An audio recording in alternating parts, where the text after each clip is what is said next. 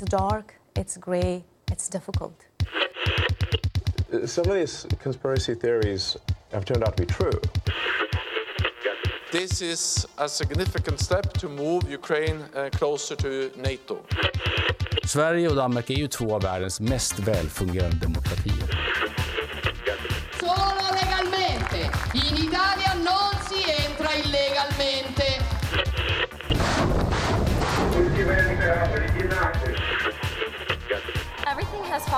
Place. I feel really good about where I am right now. Fredrickson of Denmark and uh, the, the Minister Jacoba, daughter of Ireland. Do you guys ever think about dying?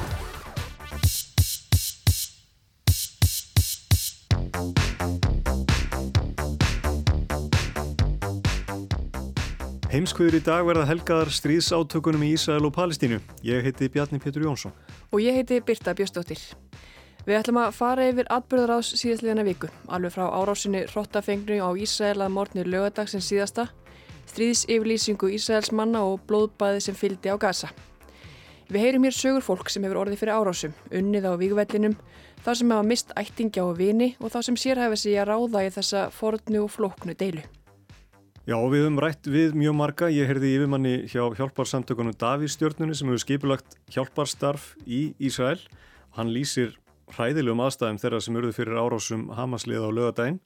Og svo talaði ég við Magnús Þorkil Bernhardsson, professor í sögu miðausturlanda.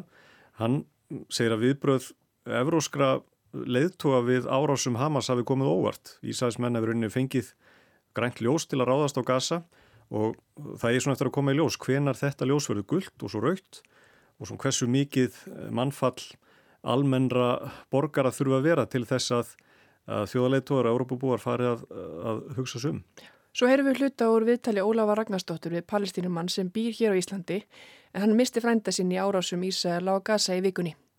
Sá hafði unnið um árabil og ekki sjúkrabíl í Gazaborg en hann let lífið í árás Ísæla.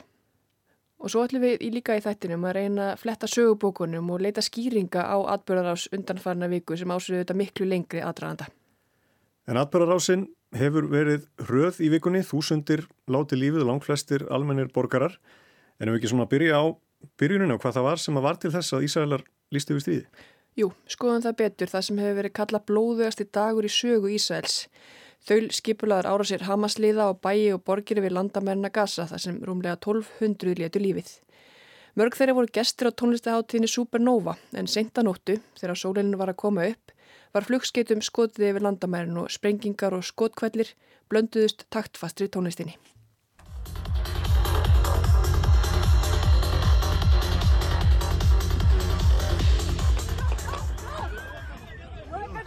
Tónlistin ómaði framöndir morgun, þá hóðust sprengingar og skotrið. Þúsundir hátíðargestar hendu að flýja og fela sig fyrir vígamannum sem voru komnir yfir landamærin og skiptu hundruðum. All the way people were dying, all the way on the road, young people. It's a festival for young people. And they were just all around me and they were going tree by tree and shooting.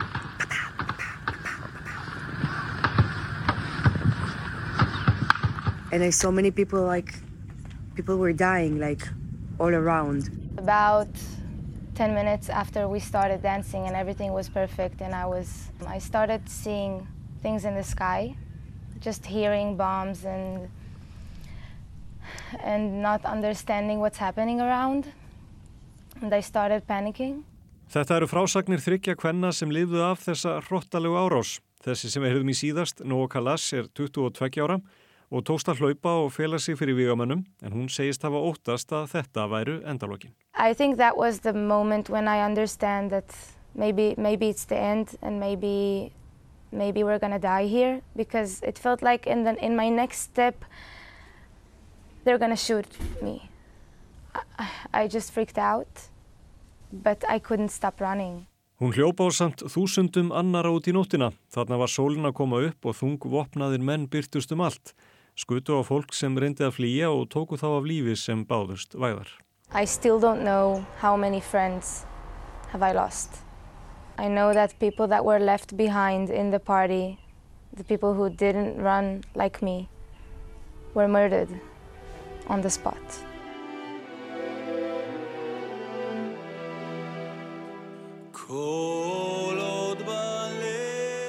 Árásinn var þaul skipulög og líklegt að stjórnendur Hamas hafi undirbúið hana mánuðum saman. Þeir rufu girðingar og landamæramúra með jarðítum og komu bílum og stærri faratækjum yfir landamærin. Tugir eða jafnvel hundruð vígamanna flugu yfir til Ísraels frá Gaza á svifvængjum og skutu á tónleikagesti sem reyndu að forða sér.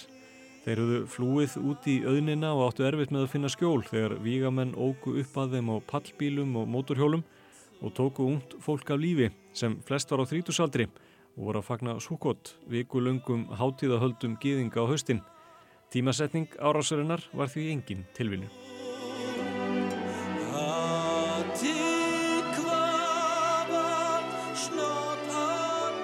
Á sama tíma gerðu vígamenn árásir í alls 12 ísælskum bæjum næri landamæranum að Gaza. Mannfallið var mest í bænum Kvaratsa sem er steinsnar frá landamæranum. Þar gengu vígamenn hús úr húsi og myrtu alls rúmlega 200 íbúa. Talsmenn Ísæls hess hafa líst aftökunum á þennan hátt.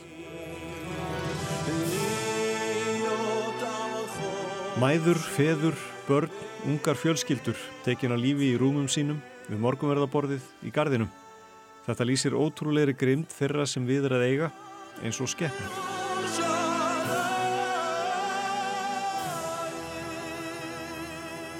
Herinn og hjálparstarfsmenn hafa síðan á laugardag verið að störfum í mörgum af þessum bæjum við skjálfilegar aðstæður.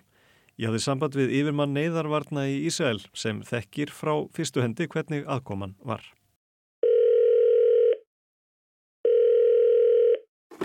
Chaim Rafalowski, I'm the Disaster Management Coordinator of Magen David Adom in Israel. Chaim er yfirmaður neyðarvarna hjá Davís stjórnunu í Ísrael, hjálparsamtökum sem eru hluti af alþjóðarhefingu Rauðakrossins og Rauða Hálmánans. Hann segir ísraelska hjálparstarfsmenn aldrei hafa voruð vitnið að öðrum eins hryllingi. We have never seen such a cruelty as we saw during these attacks. We have never seen uh, intended killing of families. Heilu fjölskyldurnar hafi verið myrtar á heimilum sínum og börn tekin í gíslingu eftir að foreldrar þeirra voru myrtir. Það sé engin leið að ímynda sér slíka grimt. We have never seen kidnapping of civilians and the kidnapping uh, of young children after killing their uh, parents to Gaza. This is something we have never seen before. And how are you prepared for such atrocities? We are not. You cannot imagine such cruelty ever. Hæm lýsir hræðilegum aðstæðum hjálparstarfsmanna sem hafi þurft að leita skjóls á meðan hörðustu átök liðsmanna Hamas og Ísraelsku öryggislauruglunar stóðu. Síðan hafi flugskeitum reglulega verið skotið á bæina næri landamæranum að gasa og hjálparstarfsmenn þurft að sæta lægi inn á milli árosa og sinna særðum, jafnvel liðsmönnum Hamas-samtakana. They go out when the sirens go off to attend people knowing that another rocket might hit. They go out when there is a shooting, knowing that the shooter might be waiting for them, and still they do it just to save lives. And in some cases, they have even treated terrorists that uh, were shooting or potentially shooting at them, and now they are injured, so they are no longer a combatant, and they will receive the same care as others because we believe that human beings deserve to be treated. Hann segir dæmið um að Hamas hafi ráðist á sjúkraflutningamenn þar sem einn sjúkraliði létt lífið. Erfitt sé að vinna við þessar aðstæður en undirbúningur sé eins og við aðrar hamfærir sem hjálpa stafsmenn komið að. Búa sig undir það versta en vona það besta. Hann óttast að stríðs átökinni eftir að breyðast hratt út næstu daga. As a crisis manager, my legend, my whole life is prepare for the worst and pray for the best. So at the moment, we are preparing for the worst further escalation of this crisis to uh, a full-blown war, not just in the south, which is already happening, but also in the north of Israel.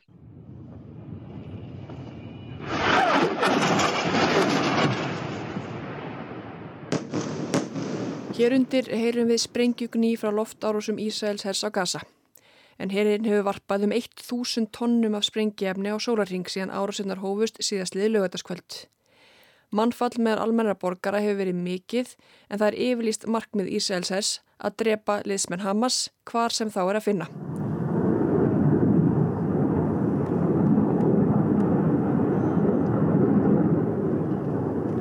En það eins og vennilega bytnar mest á almennum íbúum Gaza. Það var strax loka fyrir vatn, eldsneiti og ramagn og það er mjög víða orðið ramagslust. Það er líka lokað fyrir sendingar á mat og livjum og landamærastöðvarnar tvær hafa mestu verið lokaðar. Þannig að það hefur verið erfitt eða ómögulegt að komast í burt.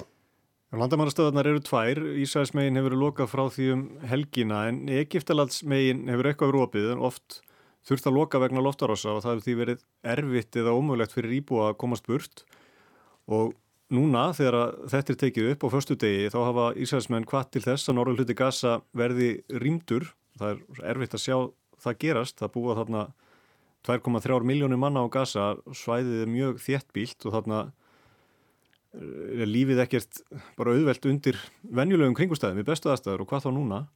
Og það er talið að rúmlega 250.000 mann séu þar á vergangi hafi ekki neinn hús að venda og mörg þeirra halda til í skólum eða öðrum byggingum til dæmis og vegum saminuð þjóðana til þess að leita skjóls fyrir loftarásum. Við erum þarna áðan í starfsmanni hjálparsamtaka hjá Ísrael. Eh, við höfum sömu leiðis reynd eftir fremsta megni að ná tali af fólki sem vinnur palestínum megin við hjálparstarf. Hjá mér er Óluf Ragnarsdóttir, góðkunningi heimskviða og okkar helsti sérfræðingur í málöfnum með Östurlanda. Í Óluf, þú hefur verið reynd ná tali af hjálparstarfsfólki eh, í Palestínu. Það hefur ekkert gengið neitt sérstaklega verið eða hvað? Nei, eða já og nei eiginlega. Eh, við fengum kontakt hjá Rauðakrossinum uh, og ég komst í samband við konu hjá Rauða Hálumannum á Vestubakkanum og, og hún var með að búin að setja mig í samband við mann á Gaza. Þannig að við ætlum að tala við hann og svo svaraði hann ekki. Og svo þannig ég sendi aftur á konuna á Vestubakkanum og hún svaraði ekki heldur. Þannig að við náðum ekki viðtalinu þannig að sama dag við tókum viðtal við eh, mannin í Ísrael. En svo senduðu mér um kvöldið bara afsakið að við svöruðum ekki. Við vorum bara í áfalli að því við mistum fjóra kollega í dag.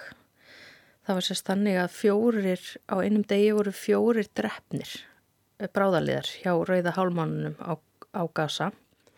Og við sögum fréttir af þessari árás og stundum er heimurinn einhvern veginn alveg dásamlega lítill því að þú færð símtalinn á fréttastofuna á miðugutaskvöldið, er það ekki? Jú, eftir fréttatíman bara ringir hérna maður inn og segist uh, hafa verið að hlusta fréttir og er að keira á helliseðinni og, og meðan með bílnum sé ungur maður frá Gaza sem að þeir er að vinna saman sérst hjá byggingafyrirtæki eða fyrirtæki í byggingir innæði og hann sérst tengist þessu máli beint, þessu uh, hræðilegu morðum á þessu hjálpastarfsfólki og það er þannig að þessi ungi maður á föðurbróður sem að og hann hef, sá að hefði verið að keira uh, sjúkrabíl á Gaza í rúm 30 ár og, og hann lést í þessari árás og hann kom svo hingað og veitt okkur viðtal. Husam Basim el-Masri Husam Basim el-Masri Basim el-Masri Já. Ahlan og Og þú settist niður með honum á 15. morgun daginn eftir að hann missir föðubrúðu sinn í þessari árás Já, hvernig var að hitta hann og hvað svona bar hæst í ykkar samtali? Já, þetta var uh, náttúrulega bara daldi átakanlegt og erfitt að hlusta á þessu sögu. Þetta er líka, sko maður er búin að vera að segja núna í marga daga fréttir uh, af fræðilegu ástandi á gasa og þarna var alltaf nú komin maður fyrir fram að mig sem að öll fjölskyldans er í þessum aðstöðum. Hann er einninn á Íslandi Öll fjölskyldan hans er á gasa, mammas, pappi, sískinni, sískinaböll og hann lísti fyrir okkur sko bæði eh, hversu ræðilegt að vara að missa hennan föðbróðu sinn, hann 55 ára gammal og átti fjölskyldu og, og bara búinn að starfa við þetta hjálpastarf í áratugi. Það er mjög skil að kulla lahða, þetta gæja, kulla lahða. يمكن أن تحكي معه الآن عشر دقيقة og svo hvernig það er líka að lifa í stöðum óta um það að öll fjölskyldaðin geti þurkast út ef við getum orðað þannig því að það er það sem er gerast núna á gasa og hann saði að þessar uh, árásir núna, þessi átök núna væru öðruvísi en þau fyrir því að umfangið væri meira það er sprengt meira meiri eðilegging og svona heilu fjölskyldunar að deyja í einu.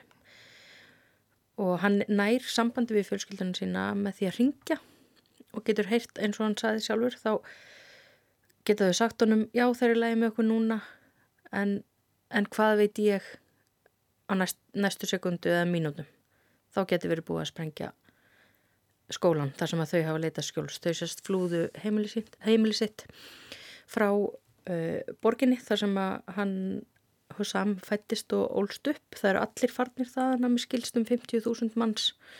Og þau eru í einum af þessum skóla á vegum saminu þjóðana að vona, vonast til að vera örug þar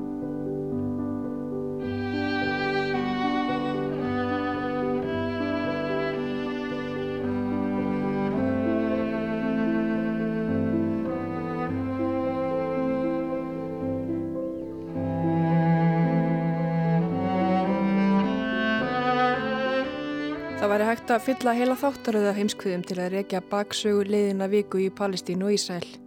En það stendur þó ekki til. Það eru margar tímasetningar sem hægt er að miða upp af átakana við og hægt að fara mis langt aftur á síðustu öld eða jafnvel allt aftur á biblíutíman. Hugmyndin um sjálfstætt ríki gýðinga á sér langa sögu en veljum okkur hér árið 1917 til að miða við ákveðin kaplaskil þegar breskaða ríkistjórnin gáð svo kallaða Balfúr yfirlýsingu. Sangamt henni áttu gýðingar að eiga heimaland í Palestínu en lagtar upp með að það mætti þó ekki vera á kostnað þeirra samfélaga sem fyrir voru á svæðinu. Framan af 20. öldinni fluttust margir gýðingar þangað, keftu sér húsnæði, sumir fengu styrkill að kaupa sér land, aðrir komu sér fyrir í samerkjubúum. En spennan tók að magnast samhliða aukinni fólksfjölgun á svæði sem palestínumenn töldi sér verið í rétti til að halda áfram að búa á eins og áður á meðan Ísraelsmenn vísuði í söguna og samþyktir til að réttleita búsetu sínaðar. Spennan jógst enni kjölfar setni heimstýrjaldarinnar og brettar sem áttu að fara með verkefnarstjórn á svæðinu eftir styrjöldina gáðust upp á að reyna að ná vænlegri sátt og leituðu á náðir hennar nýstofnuðu saminuðu þjóðana. Þegar þarnaði komið við sögu er árið 1947. Góðir Íslandingar, allsherjarþing hinn að saminuðu þjóða sem var sett hinn 16. september á í dag hinn 30. oktober í miklum önnum og fjöldamörg, erfið og hættuleg vandamál eru enþá óleist og raunar óhreyfð. Þetta er upptaka frá árun 1947 sem varðvettir hér í efstaleitinu á lakkplötu. Þarna talar Tór Tórs, formaður sendinemdar Íslands hjá saminuðu þjóðunum og segir frá starfi pólitísku nefndarinnar og hvað sé þarna efst á bögi. Eitt mesta vandamál þingsins er lausn palestínumálsins. Sérstug nefnd allra þjóða starfar að því á þinginu en eins og kunnut er hafði auka þing saminuðu þjóðana á síðaslinu vori verið kallað saman vegna þessa máls eins og var þá skipuð sérstug rannsóknanemnd af hendi hinn að saminuðu þjóða. Tillögur þeirra nefndar liggja nú fyrir og ganga þær annars vegar út á það að Palestínu skuli skipt í tvö ríki, milli gýðinga og araba en hins vegar er lagt til að sambandsríki gýðinga og araba verði stoppsett í Palestínu. Gýðingar heimta sitt sérstakar ríki en arabar hóta ófríði ef skipta á landi þeirra. Eins og Tór greinir þarna frá var það niðurstöðan á vettfangi saminuðu þjóðuna að skipta Palestínu á milli þessara tvekja hópa, á milli gýðinga og araba. Liti var til þeirra hörmunga sem gýðingar móttu þóla í síðari heimstyrjöldinni og rétt þeirra til skipulaðs heimalands. Málið er geysi vandamikið, ekki síst þegar þess er gætt að um 600.000 gýðinga eru heimilislausir í fangabúðum Evrópu og eiga sér hvergi atkvar. Hér er Magnús Þorkjell Bernhardsson, professor í miðausturlandafræði. Og það hefur leitt mörguleiti til, til þessa vanda í, í, í, þessum, í þessum löndum að, að Arabar, palestinmenn hafa þurft að gelda fyrir með sínu landi eh, gýðingahattur Evrópu. Og það varð úr að gýðingar fengu útlutað aðeins stærra svæði eða 55% en Arabar 45%. Gýðingar undur sínu sáttir en það gerðu Arabar ekki. Þeim var skróflega gengið á svæði sem þeir töldu tilhra sér, auk þess sem minni landgæði fylgdu þeim landsvæðin sem þeim var útrútað.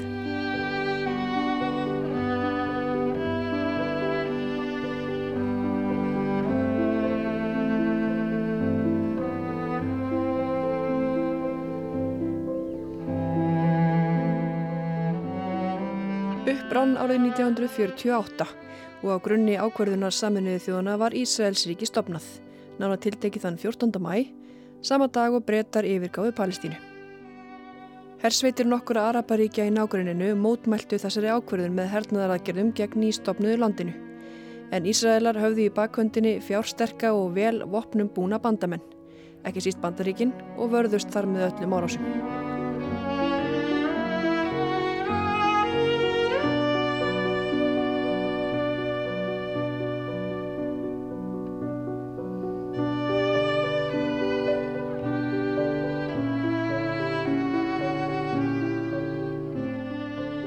Þessi hugmynd um að, að skipta landinu sem bara svona sem utan að komið aðlar ákveða að skipta ykkur landu upp sem þeir átt ekki sjálfur þar að segja breytar og bandaríkjumenn og, og saminu þjóðnar þetta var eitthvað svona land sem þeir bara ákveða að skipta upp á þessa raun að veru aðtúa vilja íbúa og þegna þess, þess ríkis.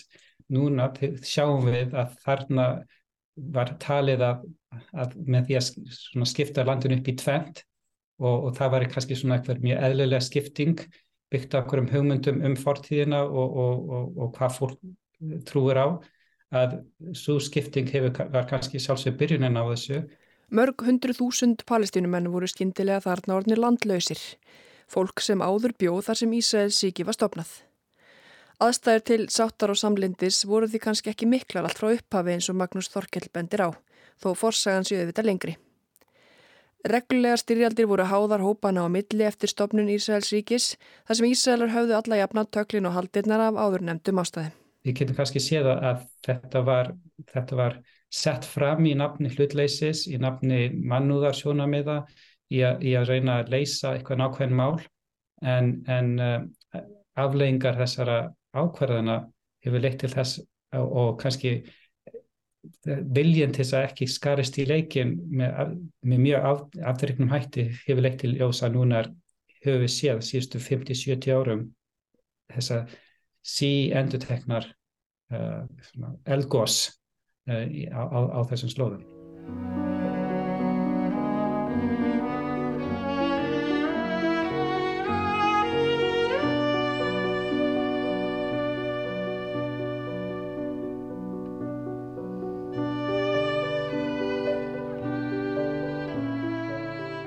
6-dagastríðið stóði yfir jafn marga daga árið 1967.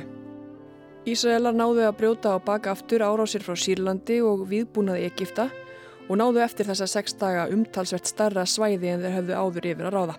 Þeir á meðal allri borginni í Jérúsalem, Gazaströndinni og Vesturbakka Jórdan árinar sem allar jafnaðurinn fallega kallaður Vesturbakkin. Og þar með voru enn fleiri palestínum menn búsettir á yfiráðasvæði Ísraela og hernám Ísæðala þar frá 6. stríðinu ára 1967 stendur enn.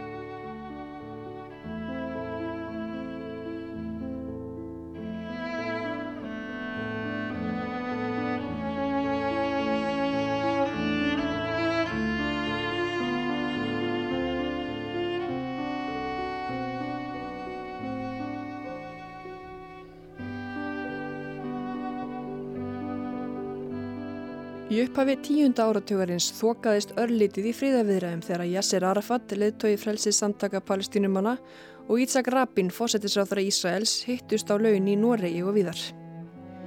Úr varð Osloar sáttmálinn svo kallaði sem átti meðal annars að tryggja palestínumannum sjálfstjórn á ákveðnum svæðum sem Ísraelum erði gert að yfirgefa. Niðurstöðun var ekki tekið með þögninni, kvorki meðal gýðingan í Araba. Palestínumönnum fannst ekki nóg að gert og Ísraelsmenn vændu Rabin um sveik. Rabin var skotin til bana af ósáttum Ísraelsmanni.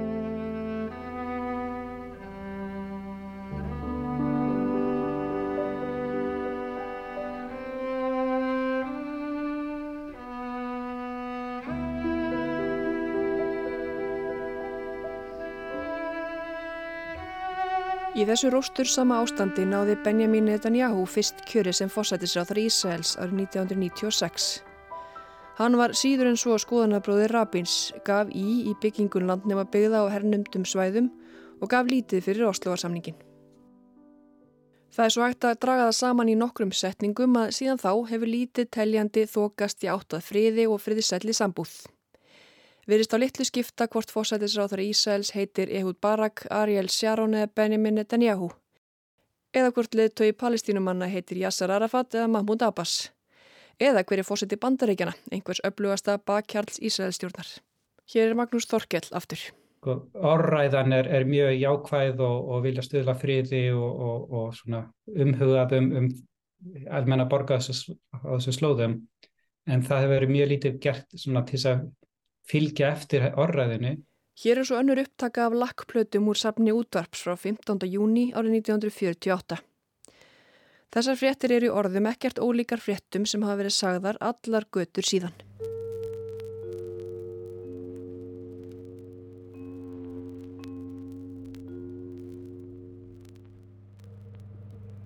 Hér koma fréttirnar frá saminuð þjóðanum við Lake Success. Þetta er fymti dagur vopnarhjessins í landinu helga. Tilraunum er haldið áfram í þá átt að varanlegir friðarsamningar á milli Arab og Gýðinga takist áður um vopnarhjénu líkur. Þó áratölung deilan á svæðinu hafa kallað ómældar hörmungar yfir marga og kosta 20.000 mannslífa, þá eru átökin ekki á vafasum topplistum yfir mannskeiðustu átök síðastleginar aldar í heiminum. Eða voru það allaveg ekki fyrir atbyrðið síðustu viku. Það sem enginir þessi átök er langlífi deilunar og skiptar skoðanir almennings af því sem þarna gengur á. Meira segja hér á Íslandi skiptist fólki afar andstæðar og nokkuð hatramar fylkingar á móti koronari. Við verðum vörfið þetta í fréttaflutningi okkar frá svæðinu. Í hvert skipti sem skrifaður og fluttar eru fréttir frá átökum á svæðinu fáum við aðtöðasemdir frá hlustendum og lesendum sem segja okkur ímist draga taum hamasamtakana á kostna Ísraela eða þá að við séum höllundir sjónamið Ísraelstjórnar í stað sjónamiða palestjórnmanna og ekki að samfélagsmiðlar og tjáning þar sé alltaf þverskurðurinn á samfélaginu, þá nægir það að drepa þar niður fæti örsnögt síðustu daga til að fá smá tilfinningu fyrir ólíkum skoðunum fólks á því hvað sé rétt og hvað sé ránt, hver sé góður og hver sé vondur. Það er flókið að finnast að sangjant að palestinu menn sé í fullum rétti að berjast fyrir rétti sínum að búa á sínu eigin landi en vera á sama tíma misbóði hversu ofbeldisfullar þar aðgerðir eru. Það óhugulega að sjá fólkið sem fyrir skemstu var með Unifem í profíl, FH-húu og sá nöðgunamenningu í hverju hortni á Vesturlöndum réttlæta árás Hamas á Ísæl. Misjón lesa ekkert um það sem er í gangi núna nema það komi frá sjónarhóli palestinumanna. Að vanda er þrótaðasta umröðan á vef sósialista sem hata bandaringin svo mikið að þeir eru tilbúinir að styðja árásir hriðiverkasamtaka á bandamendira. Þú mátt ekki bara finna til með saklausri alþjóðu Ísrael og Palestínu og þrá frið, heldur þarf þetta að taka afstöðu með öfgaliði, Hamas eða Líkút. Villimennska Hamas átti ekki að koma óvart. Ísis var búið að sína heiminum afleðingar íslamisma. Sama hugmyndafræði, sama villimennska.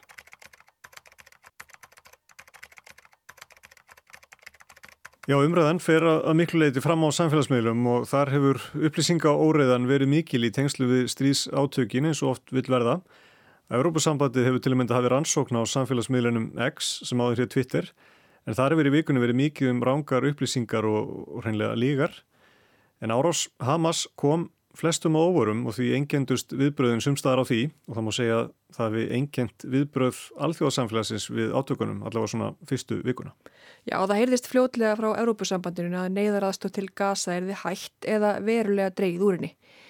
Þessar yfirlýsingar voru svo dregna tilbaka en það stendur til að fara yfir þær greiðslu sem fara frá Európusambandinu til palestínumanna, svona til að tryggja þær byrjist á rétta staði. Þannig að viðbröðin frá Európaríkjónu voru misjöfn og það er greinlega ekki jafn mikill og skýr stuðningur við Ísrael og það eru í bandaríkjónum. Eh, svo á það séu þetta langa sögu er það ekki samband bandaríkjana og Ísraels og hvers vegna samband þeirra er svona stert? Jú og nær sko mjög langt aftur álið til 1948 þegar Harry Truman bandaríkjafósetti var fyrstu þjóðaleituða til að viðkenna Ísraelsríki og svo kom Bill Clinton auðvitað viðráðunum eh, hjá þeim Yasser Arafat og Yitzhak Rabin sem var svo að Oslo samningunum 1993 eins og við tölum við maðan eins og við fórum með þetta yfir áðan. Mm -hmm. en síðan hefur auðvitað gengið og ýmsu. Bandaríkin eh, hins vegar alltaf verið mjög náinn bandamaður Ísæðis Einmitt. Og rússar hafa blandað sér miklum krafti í deiluna núna. Putin, rúslandsfósetti, hann stilti sér upp gegn Ísrael og bandaríkjamannum Það væri mikilvægt að finna lausn á deilunni til framtíðar meðal annars með því að viðurkenna hluta af kröfum palestínumanna Og þá segir Pútín að Ísraelsmenn verði að fylgja alþjóðalögum þegar kemur á loftarósum. Það sé ekki bóði að árásuna bytni eins og þeir hafa gert á almennum borgurum. Já, og einmitt áhugavert að skoða svona þessi síðustu umæli Pútins í ljósi Ukrænistriðsins sem að núna fellur í skuggan af þessum átökum öllum. En þarna fyrir botni miðrarhafs er suðupottur mikill átaka sem tegja ánga sína víða. Ég spurði Magnús Þorkel út í eh, framhaldið og svona hvernig þetta geti þróast. Hann á von á mikilli spennu og jafnvel átökum í löndunum í nágræninu og það verður svo spennand að sjá hvernig bandarækjaman bregðist við uh, af því að það er talið minnst 27 bandarækjumenn hafi látið lífið í árásum Hamas á lögadaginn. Það er talið að einhverju bandarækjumenn séu líka í, í haldi Hamasliða. Þannig að þeir eru eftir að styðja Ísæðismenn og hernaðar aðgerir eins og heyrðist glögglega á bladamannafundi Antoni Blinken, utaríkisáð þeirra bandarækjana og Benjamins Netanyahu, fósættisáð þeirra Ísæðis. En Netanyahu, hann er í svolítið þröngri stöðu, eða ekki? Jú, hann hefur uh, sett saman þjóðstjórn, fengið hlutar stjórnarnarstöðunar inn í ríkistjórnina af því að staða hans var frekar veik fyrir og þessi árás var þetta hans vakt, veikir stöðu hans eh, en frekar auðvitað og þú er margir sem að kenna stjórnvöldum og, og leinið þjónastunum að Hamasliðar hafi komist yfir landamærin og herin eða örgislauraglan hafi ekki komið til aðstóðar fyrr þarna á lögadaginn því Hamasliðar voru komnir yfir eh, landamærinum sjölituðu morgunin og sumstaðar að enginn aðstof borist sko, fyrir í hátíðinu fyrir en eftir hátíð þannig að viðbræði var, var mjög hægt. En Netanyahu býður mjög erfitt verkefni. Það er ekki sá einhugur í landinu sem lengi hefur einkjent Ísæl það er á hans ábyrð að tryggja öryggi íbúðana þeir svona töldu sig örygga en núna er að hefjast nýr kapli og Netanyahu ætlar greinlega að hafa uh, bandarækjumenn sér við hlið eins og við heyrðum á bláðamannafundi þeirra Blinkens og Netanyahus í Tel Aviv No country can or would tolerate the slaughter of its citizens or simply return to the conditions that allowed it to take place.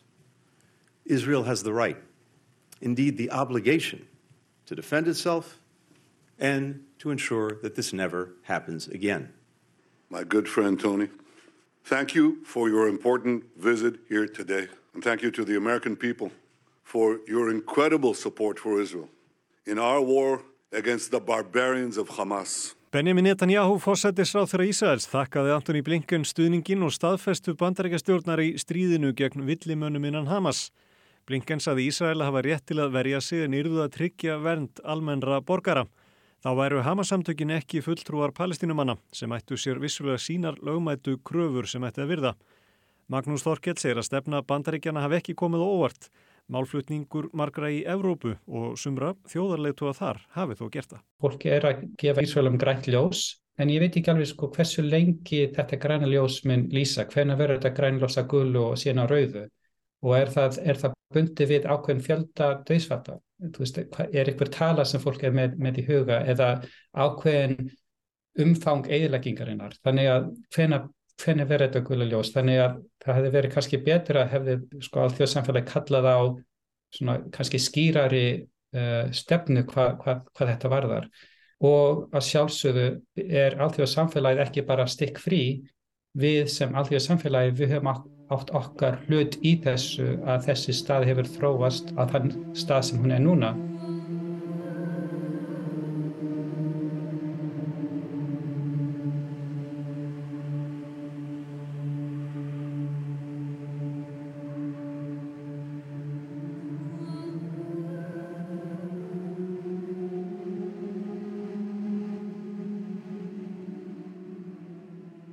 En þetta á geðins við árásir Ísraels hers á Gaza. Átök Ísraela og palestinamanna tegja sig um öll miðausturlönd og spennan magnast því mjög í löndunum í kring.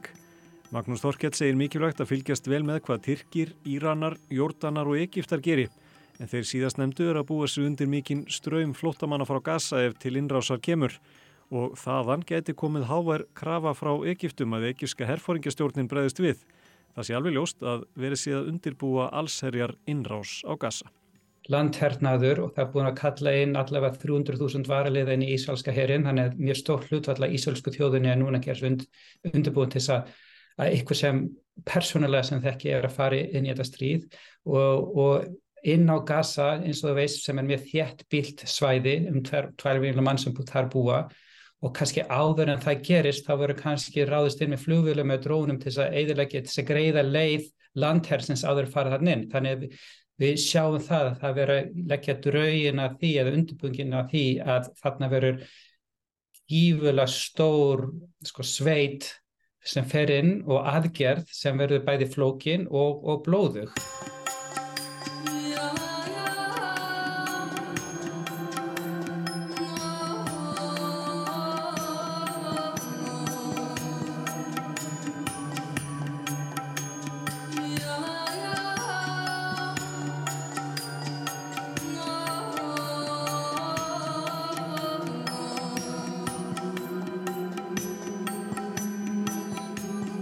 Þá geti vel farið svo að það komi víðar til átaka, bæði við landamærin að Líbanon, jafnvel í Sýrlandi og sömulegis við landamærin að Egyptalandi.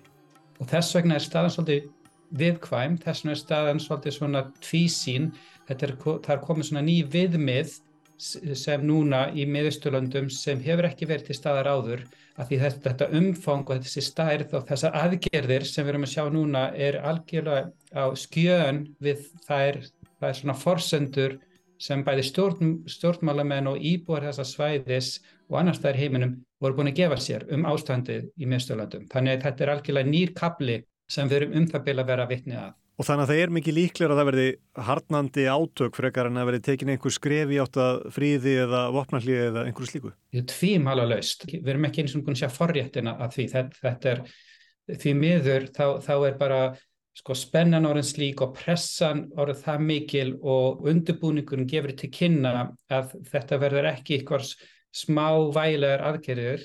Sko taktíkin er, er algjör eðilegging en við veitum ekki alveg hver strategían er og við veitum ekki alveg hver loka markmiðu er hjá öllum þessum aðilum og þar alveg er ekkert ljóst hvenar við, við getum átt vona að þetta endi og að því að um, hendargerndin eða ykkur aðrar tilfinningar sem eru kannski spila hérna í stóru hlutverki eru kannski bera ofurliði sko taktíska, strategíska hugsanir hvað varðar næstu skref. How does it feel to treat me like you do when you lay your hands upon me and told me who you are I thought I was mistaken thought I heard your words. Tell me how does it feel? Tell me how now does it feel? Those who came before us lived through their vocation. From the past until completion. They would turn away no more, and I still find it so hard to say what I need to say.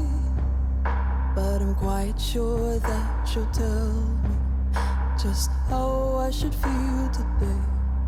I see a ship in the harbor, a cannon and a shallow bay.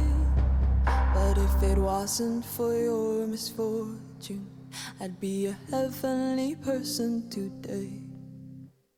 How does it feel to treat a man like you do when you lay your hands upon me and told me who you are? I said.